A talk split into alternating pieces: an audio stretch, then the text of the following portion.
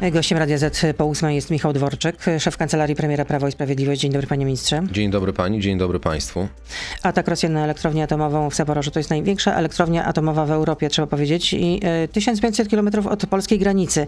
Na szczęście, jak uspokaja Polska Agencja y, Atomistyki, no, nie ma uszkodzeń systemów ważnych y, dla bezpieczeństwa, no i na terenie elektrowni nie odnotowano wzrostu poziom, poziomu promieniowania i sytuacja radiacyjna w Polsce pozostaje w normie, taki jest komunikat. Ale co pan sądzi o tej całej sytuacji? O co chodzi Putinowi? Chce zastraszyć świat. Sądzę, że e, jest Putin dzisiaj w takiej sytuacji, e, kiedy widzi, iż nie jest w stanie uzyskać zakładanych celów wojskowych, w związku z tym, nie mogąc pokonać bohatersko broniących się mm, ukraińskich oddziałów, e, zaczął operację zastraszania społeczeństwa ukraińskiego, ale również społeczności międzynarodowej.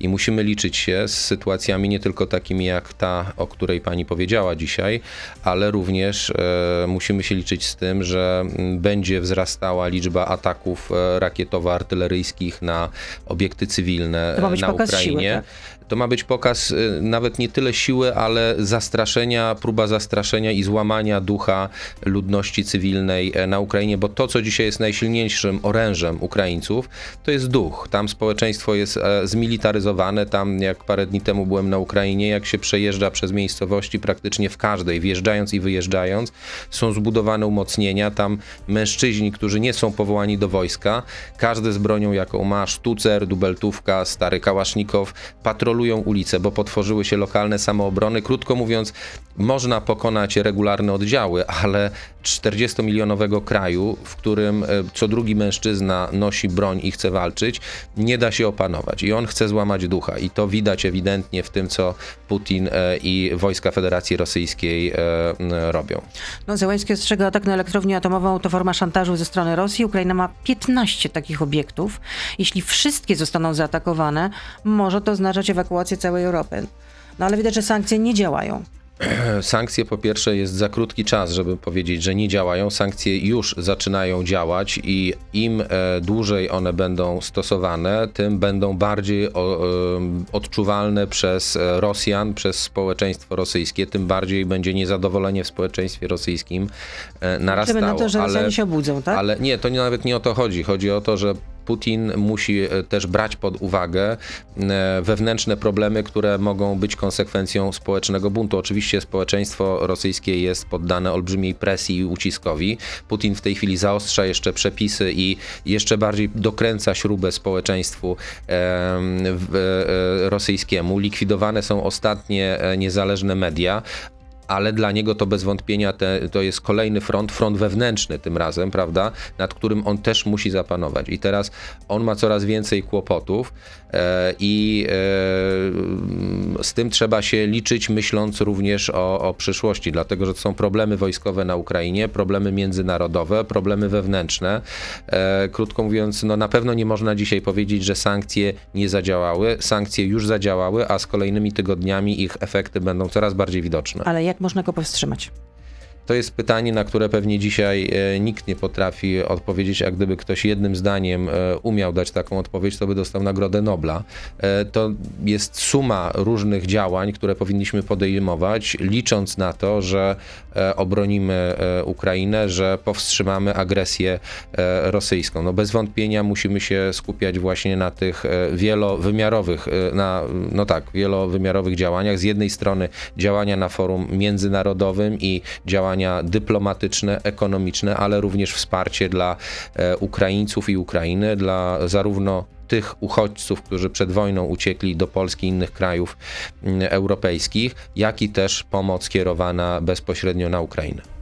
Wieloletni senator Partii Republikańskiej, ekspert do spraw wojskowości e, Lindsey Graham napisał, e, zapytał sieci, czy w Rosji jest Brutus? Wywołało to już określoną reakcję władz Federacji e, Rosyjskiej. E, ja myślę, że tutaj wszyscy chcieliby, aby e, sytuacja została mm, w jakiś sposób opanowana poprzez deeskalację, a nie dalszą eskalację, czy to militarną, czy jakąkolwiek inną, ale dotychczas prowadzone rozmowy ukraińsko-rosyjskie na temat zawieszenia broni, no na razie nie wyglądają zbyt optymistycznie. Oczywiście bardzo dobrze, że one się się toczą. Trzeba wspierać Ukrainę w ramach tych pertraktacji. My to zresztą jako Polska robimy, ale no, na razie nie widać przełomu. To znaczy my to jako Polska robimy? My organizacyjnie zapewniamy e, możliwość delegacji ukraińskiej e, dotarcia e, do miejsc, w których są prowadzone te negocjacje, te rozmowy. Po prostu wygląda to w praktyce tak, że na teren Polski wjeżdża delegacja ukraińska, potem my od strony organizacyjnej i kwestia zabezpieczenia członków delegacji pomagamy im dotrzeć w miejsce gdzie te delegacje się I tak toczą. za pierwszym i za drugim razem? Tak, oczywiście i tak będzie w kolejnych razach. A ilu uchodźców z Ukrainy już mamy tutaj w Polsce? Ponad 600 tysięcy to są dane e, z, dzisiaj, z dzisiejszej nocy. Łącznie z Ukrainy wyjechało ponad milion osób, e, ponad 50% z nich trafiło do Polski. Natomiast trzeba też pamiętać o tym, że jest olbrzymia migracja wewnętrzna, bo z Kijowa, który liczy 3 miliony mieszkańców, jak wczoraj rozmawiałem e, z jednym z polityków ukraińskich, mówił, że około miliona osób uciekło, prawda? W związku z tym jedna trzecia miasta uciekła, a teraz Kijów przygotowujący się do obrony no też zapewne będą kolejne osoby uciekały i te osoby na razie są uchodźcami wewnętrznymi, uciekają na zachód kraju, ale my musimy się liczyć z tym, że mm, nastąpi taki moment, kiedy e, pojawi się kolejna fala uchodźców, prawda? Bo mamy najpierw pierwsza ta fala największa przeszła. Widać, że jest trochę mniej osób na przejściach granicznych. Czyli są mniejsze kolejki, jest, tak? Znaczy Krótsze. kolejki w ogóle na szczęście praktycznie zniknęły przez to, że Straż Graniczna Ukraińska zmieniła przepisy i zwłaszcza kobiety i dzieci były wpuszczane praktycznie bez kontroli, o co zabiegaliśmy, e, to, to, to teraz nie ma problemu na granicy z kolejkami. Sytuacja jest całkowicie opanowana i uporządkowana, ale jeżeli dojdzie do właśnie takich bandyckich ataków na ludność cywilną, no to e, mm, na Ukrainie trzeba się liczyć, że kolejna fala pojawi się i wtedy to już nie będą te osoby, z którymi mówiąc tak w wielkim uproszczeniu, łatwiej mogliśmy sobie poradzić, bo większość Ukraińców, która przyjeżdżała do Polski, przyjeżdżała do swoich znajomych albo do rodzin, prawda? Więc mieli tutaj osoby, którymi się nimi... Mieli swoje przyczółki. Tak. E, oczywiście został w Polsce stworzony cały system opieki nad uchodźcami, którzy nie mają tutaj bliskich i znajomych. E, olbrzymią... Ten system sprawiają samorządy, prawda? No, to, ten system jest e, powiedzmy sobie dwu albo też ma, ma dwa albo co najmniej trzy wymiary, bo po pierwsze Ministerstwo Spraw Wewnętrznych i Administracji za pośrednictwem wojewodów stworzyło takie możliwości, zabezpieczając też miejsca noclegowe itd., tak itd., tak ale oczywiście samorządy odegrały tu niesamowitą rolę, a co jeszcze ważniejsze, zwykli Polacy, tysiące, a nawet dziesiątki a tysięcy sztab kryzysowy? zwykłych tak, Polaków. Tak, oczywiście, to jest najważniejsze, że to takie społeczeństwo obywatelskie zadziałało, tak. ale czy nie powinien być powołany jakiś sztab kryzysowy albo chociaż pełnomocnik na przykład? Ale pani redaktor, e, cały ja wiem, czas w ramach, cały, ale... cały czas w ramach takiego zarządzania kryzysowego teraz funkcjonujemy. Ministerstwo Spraw Wewnętrznych i Administracji jest odpowiedzialne za wszystkie działania na terenie Polski, prawda? I ono koordynuje wszystkie działania. Jest międzyresortowy zespół działający od wielu tygodni, w którym są przedstawiciele wszystkich resortów zaangażowanych w pomoc uchodźcom. Kieruje tym międzyresortowym zespołem właśnie e, wiceminister spraw wewnętrznych i administracji i to się dzieje. Natomiast ja powtórzę, wielkie podziękowania należą się samorządom, które niesamowitą pracę wykonują, tak jak na przykład w Przemyślu prezydent Bakun, ale też w wielu innych miejscach, gdzie po prostu samorządy e, zajmują się tymi ludźmi. Absolutnie stanęły na wysokości zadania. Tak, A ilu uchodźców jesteśmy w, e, w stanie przyjąć?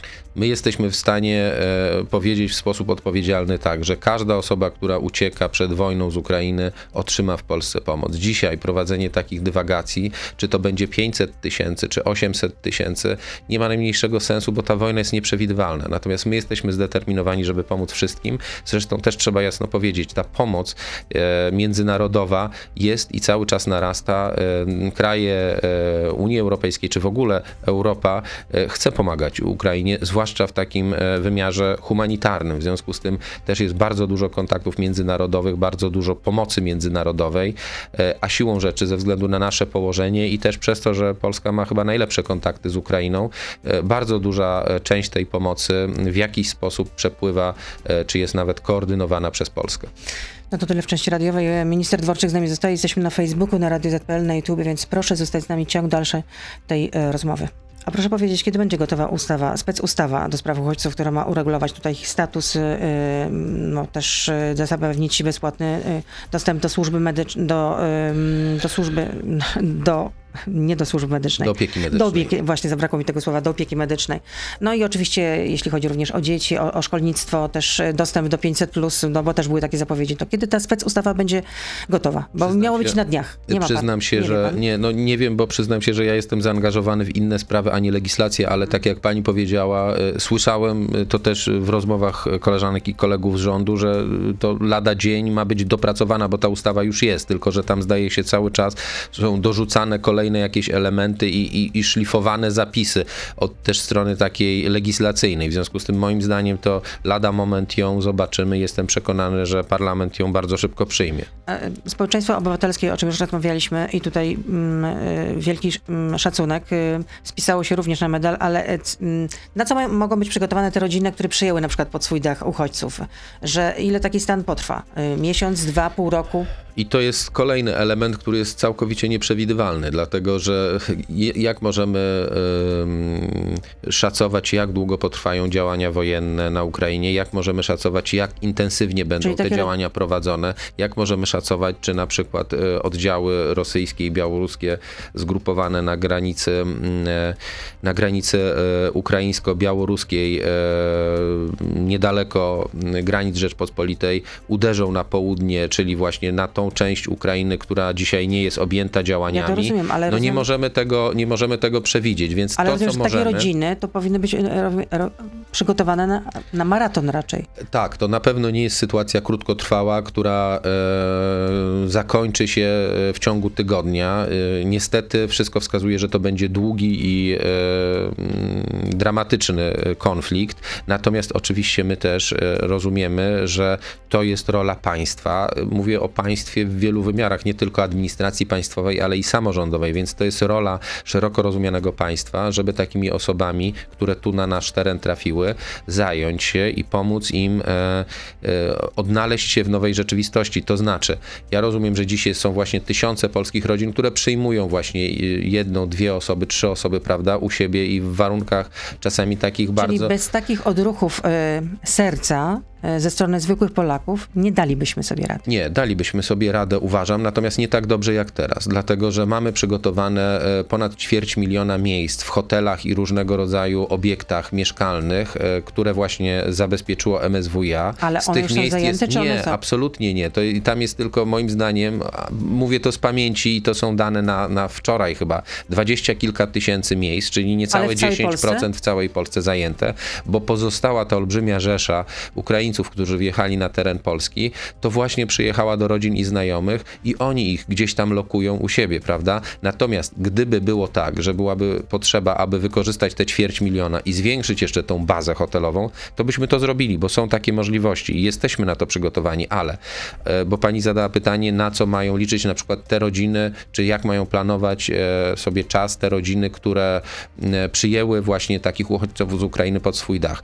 To jest piękny odruch serca i to jest szalenie ważne, bo dużo też oczywiście lepszą opiekę może uzyskać taka rodzina trafiająca do innej rodziny, niż do ośrodka, w którym jest powiedzmy 200 osób, prawda, i siłą rzeczy, no to jest pewna taka maszyna, prawda, to, to, więc to jest dużo lepsze, ale wiadomo, że te rodziny, które przyjmują pod swój dach e, uchodźców, e, nie wiem, mieszkają w małym mieszkaniu, prawda, ja sam znam takie przykłady e, z Warszawy, prawda, gdzie w dwupokojowym mieszkaniu e, rodzina z dzieckiem przyjęła jeszcze matkę z dzieckiem, no więc wiadomo, że ta Czyli jest tam e, taka pięć sytuacja, albo sześć dokładnie osób. tak, że taka sytuacja nie może trwać wieczność, więc naszym zadaniem jako państwa, przy czym mówiąc o państwie, myślę nie tylko o administracji centralnej, ale również samorządowym, jest stworzenie takich warunków, żeby te osoby, które będą chciały pozostać ze względu na sytuację na Ukrainie u nas w kraju, a w tej chwili są u tych rodzin indywidualnych, też otrzymały swoją możliwość e, zagospodarowania się tutaj na dłużej, prawda? Bo musimy się z tym liczyć. Wielkie wyzwanie lo- logistyczne. Olbrzymie, olbrzymie wyzwanie, ale wie pani, to jest olbrzymie. olbrzymie wyzwanie dla e, jakby nie tylko rządu, ale dla całej Polski, a to, co pokazali Polacy w ostatnich dniach, mnie utwierdza w przekonaniu, że sobie z tym poradzimy. Ja oczywiście życzę Ukraińcom, żeby mogli jak najszybciej wrócić do swoich domów, ale jeśli będą musieli tu zostać, to patrząc jak pięknie Polacy wyrażają solidarność w tych ostatnich dniach, jestem przekonany, że ich naprawdę tu przyjmiemy, tak, że będą mogli e, bezpiecznie czekać na zakończenie tego dramatu, który ma miejsce na Ukrainie. No, wielu z nich już domy straciło, tak na dobrą sprawę, bo widzimy, docierają stamtąd zdjęcia, jak wyglądają, jak wygląda na przykład przykład w internecie można zobaczyć, jak wygląda jedna z, z dzielnic Kijowa. Oczywiście, to znaczy jest tak, że część osób straciło domy, ale to nie jest kwestia tylko samego mieszkania, dlatego że przecież to jest kwestia też miejsc pracy, ale to jest kwestia funkcjonowania państwa, dokładnie. W związku z tym, nawet Szkół, gdyby dzisiaj szpitali. zakończyły się działania wojenne, to część z tych osób, która uciekła, albo nie ma gdzie wrócić, tak jak pani powiedziała, albo po prostu boi się wracać, bo boi się, że nie będzie miała z czego żyć. Państwo ukraińskie cały swój wysiłek ma zogniskowany na prowadzenie walki, prawda? Wszystko na jest temu poświęcone, dokładnie. I wszystkie inne jakby mm, obszary, którymi na co dzień państwo się zajmuje, zaczynając od opieki społecznej, kończąc na infrastrukturze i tak dalej, są w tej chwili odłożone na bok w sposób zrozumiały, bo to jest państwo w stanie są wojny. Są teraz oczywiście inne priorytety. A jak będzie wyglądać program szczepień y, dla uchodźców z Ukrainy? No pan był pełnomocnikiem do spraw tego programu. Każdy oczywiście, szczepień. kto chce e, się zaszczepić, prostu... każdy, kto będzie chciał się zaszczepić, będzie mógł się zaszczepić. Dzisiaj to naprawdę nie jest jakby mm, kluczowa e, sprawa, e, jeśli chodzi o to, że trzeba to z dnia na dzień zrobić, ale są, jest cały czas ale sieć... będzie jakiś program, który będzie zachęcał, czy... Znaczy, no, przyznam się, że teraz się zajmujemy Rozumiem. trochę innymi sprawami, natomiast w każdym, punkcie, tak? w każdym punkcie, w którym można, mogą się szczepić Polacy, też będą mogli się szczepić obywatele Ukrainy. Zresztą ta specustawa, o której rozmawialiśmy parę minut wcześniej, powoduje, że dostęp na przykład do świadczeń medycznych, do szeregu, szeregu usług, który no, normalnie jest zagwarantowany dla obywateli wyłącznie danego kraju, w tym wypadku Polski, będzie poszerzony na osoby, które uciekają przed wojną z Ukrainy. Nie wiem, czy pan wie, e, ale ojciec Rydzyk ostrzega przed uchodźcami z Ukrainy i podaje dane z, nieza, z nieznanego źródła. Obawiam się, że razem z, e, z, uchodźcami wojennymi z Ukrainy nie przybyli do Polski ci, którzy nie powinni być w Polsce, przed którymi się broniliśmy. Tak mówi y, ojciec Tadeusz Rydzyk. Ja nie słyszałem tej wypowiedzi. Być ja, może chodziło ja o... Ale oczywiście, ja rozumiem, że, że pani posługuje się jakimś cytatem. Ja mogę powiedzieć tylko tak. Bez wątpienia, i to też trzeba sobie jasno mówić, bo jesteśmy w sytuacji, znaczy rzeczywistość powiedziała sprawdzam, tak? Rzeczy, o które które nam się wydawały do niedawna e, niemożliwe e, w XXI wieku dzieją się na naszych oczach. Są mordowane dzieci, są burzone mm, osiedla mieszkaniowe, trwa wojna, tak? I też trzeba się liczyć z tym, że Federacja Rosyjska, która prowadzi wojnę nie tylko e, kinetyczną, ale również informacyjną, ale również hybrydową, będzie wysyłała na przykład na teren Europy Zachodniej dywersantów, szpiegów, osoby, które po prostu mają tutaj swoje zadania realizować na korzyść e, Kremla, a przeciw na przykład Polsce czy innym krajom europejskim wspierającym Żeby Ukrainę. destabilizować Dokładnie e, tak, sytuację. żeby destabilizować sytuację, żeby pogłębiać zrozumiały chaos w niektórych przypadkach, bo zawsze w tego rodzaju sytuacjach jest pewien chaos, bo nie da się zaplanować, ilu pojawi się na danym przejściu uchodźców, jak dynamicznie będą się różne procesy rozgrywały. Więc być może ta wypowiedź dotyczyła właśnie takich osób, które przychodzą tutaj, e, które przyjeżdżają tutaj ze złymi intencjami. Mamy informacje, informację ostatnio, prawda, chyba wczoraj ona była medialna, dotyczącą tego, że została zatrzymana jedna osoba, obywatel innego kraju, e, który de facto pracował na rzecz Federacji, Federacji e, Rosyjskiej. E, w związku z tym z takimi sytuacjami też trzeba się liczyć. To jest wojna. Tylko, że ojciec podaje z niewiadomego źródła, że czytał, że 250 czy 270 tysięcy Ukraińców przyszło, a wszystkich pół miliona, czyli reszta to kto? No, że połowa osób, które miałyby tutaj napłynąć, to właśnie jakieś osoby niewiadomego pochodzenia i którym nie, nie, nie należałoby ufać. No, nie wiem, ale wie pani co, naprawdę, nie, ale, ale nie skupiajmy się, ale nie skupiajmy się na tym, e, prawda, e, teraz e, kto zrobił mm. jakiś skrót myślowy albo powiedział jakąś rzecz, która e, no, e, jakby jest jakimś wykrzywieniem rzeczywistości albo przejęzyczeniem, albo no nie wiem, po prostu ktoś przekazał dalej informację e, nieprawdziwą czy błędną. Ja zakładam, że dzisiaj w Polsce 99% ludzi ma dobre intencje i chce pomóc Ukrainie, tak? I pojawiają się na przykład różnego rodzaju fake newsy. Mówię o tej e, wojnie informacyjnej. Ostatnie dni, co rozgrzewało polskie społeczeństwo. Informacja na przykład o tym, powielona zresztą i powtórzona przez niektórych ukraińskich polityków, że z terenu Polski będą startowały samoloty, e, które będą brały udział w działaniach wojennych na Ukrainie. No to jest samoloty bojowe bojowe, tak, to, ale jakiekolwiek samoloty, które będą e, wlatywały na teren, e, uk, e, na przestrzeń powietrzną Ukrainy, no to jest oczywiście kłamstwo od początku do końca. Nic takiego nie było. Ale na różny sposób powtarzając tę informację, czasami w formie pytania, czasami w formie, nie wiem, powtórzenia, prawda, potęgujemy niepokój w społeczeństwie. I to są właśnie no, ale to takie... w takim razie y, zachęca mnie pan do tego, że powinnam się już absolutnie teraz kryć w język, tak? Że, proszę, nie, ja zachęcam wszystkich nie, nie, nie, nie, nie, nie mówię tego do dziennikarzy, tylko do wszystkich, też do polityków, dziennikarzy, ludzi, którzy mają jakikolwiek wpływ na e, opinię przez, publiczną. dokładnie opinię publiczną, żebyśmy ważyli słowa. Bo właśnie o to chodzi agresorowi, żeby wywoływać w innych krajach, zwłaszcza w tych, które pomagają Ukrainie, a Polska przez wszystkich jest wskazywana przede wszystkim przez samych Ukraińców jako ten kraj, który najbardziej się zaangażował w pomoc Ukrainie, więc Federacji Rosyjskiej zależy, żeby destabilizować tę sytuację, żeby budzić niepokój, prawda? Żeby odwracać emocje społeczne, bo proszę zwrócić uwagę, jak to wygląda. Polacy wszyscy chcą dzisiaj pomagać Ukrainie, ale jeżeli Polacy pomyślą, aj, to zaraz Polska ma wejść do wojny, ma stać się stroną konfliktu, to takie emocje społeczne mogą się odwrócić. I o to chodzi moim zdaniem atakującym. I dlatego powinniśmy być tak ostrożni i odpowiedzialni, powtarzając różnego rodzaju e, opinie, nawet w formie pytań. I, I to też ja w ogóle chciałem też podziękować opozycji, która w 99% zachowuje się bardzo odpowiedzialnie i właśnie nie powiela takich fake newsów, nie powiela, nie, nie, nie, nie ma wypowiedzi, które właśnie by wzbudzały niepokój w społeczeństwie. Są pojedyncze osoby, które to robią, więc apelujemy do nich, żeby tego nie robiły. My też musimy e, jak największą, największą e, uwagę zwrócić na dobrą informację, dlatego że na Radzie Bezpieczeństwa Narodowego pojawił się taki postulat i to jest dobry postulat. My staramy się to robić, ale trzeba to robić jakby jeszcze intensywniej, żeby jak najwięcej transparentności w działaniach e, związanych ze wsparciem Ukrainy było ze strony rządu. To znaczy, żebyśmy od razu dementowali, jak się pojawiają fake newsy, prawda? Żebyśmy mówili o tym, co się dzieje, no bo tylko w ten sposób jesteśmy w stanie wspólnie zachować spokój. Ale ta odpowiedzialność wymagana jest od wszystkich, od całej klasy politycznej, a też od osób, tak jak pani powiedziała, które mają wpływ na opinię publiczną. I jeszcze jedno, y, o co chciałabym zapytać, bo prezydent Zełański mówił, że Ukraina potrzebuje zamknięcia y, przestrzeni powietrznej nad krajem, a jeśli nie, to chociażby samolotów do obrony. I według niego na dzisiaj to jest sprawa pomiędzy Polską i USA, tak powiedział. Nie mogę milczeć na ten temat, bo nasi wojskowi są bez samolotów, tracimy bardzo wielu ludzi. To jest dla nas najtrudniejsze i dlatego chciałbym, żebyśmy rozwiązali tę sprawę. Tak apelował Ukraina prezydent jest, Zełęński. Ukraina jest w dramatycznej, Ukraina jest dramatycznej sytuacji, dlatego że e, rzeczywiście Rosjanie mają pełną dominację, jeśli chodzi o przestrzeń powietrzną.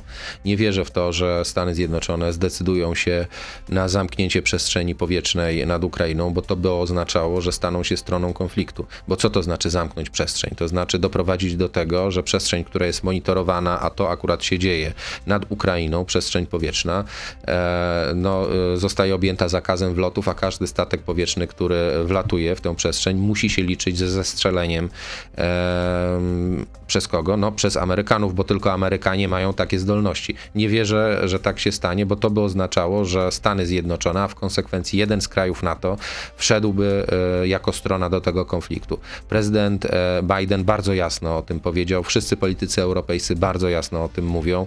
E, to, nie, to się nie zdarzy. NATO NATO nie będzie stroną tego konfliktu. Staramy się pomo pomóc naszym braciom, naszym partnerom na Ukrainie. Zrobimy wszystko, żeby ich wspierać e, w każdym wymiarze, natomiast e, na pewno ani Polska, ani żaden inny kraj NATO nie stanie się częścią tego konfliktu. Dziękuję za rozmowę. Michał Dworczyk, szef Kancelarii Premiera Bóg z nami Prawo i Sprawiedliwość. Dziękuję. Dziękuję bardzo. To był gość Radia Z. Słuchaj codziennie w Radio Z i na player radioz.pl.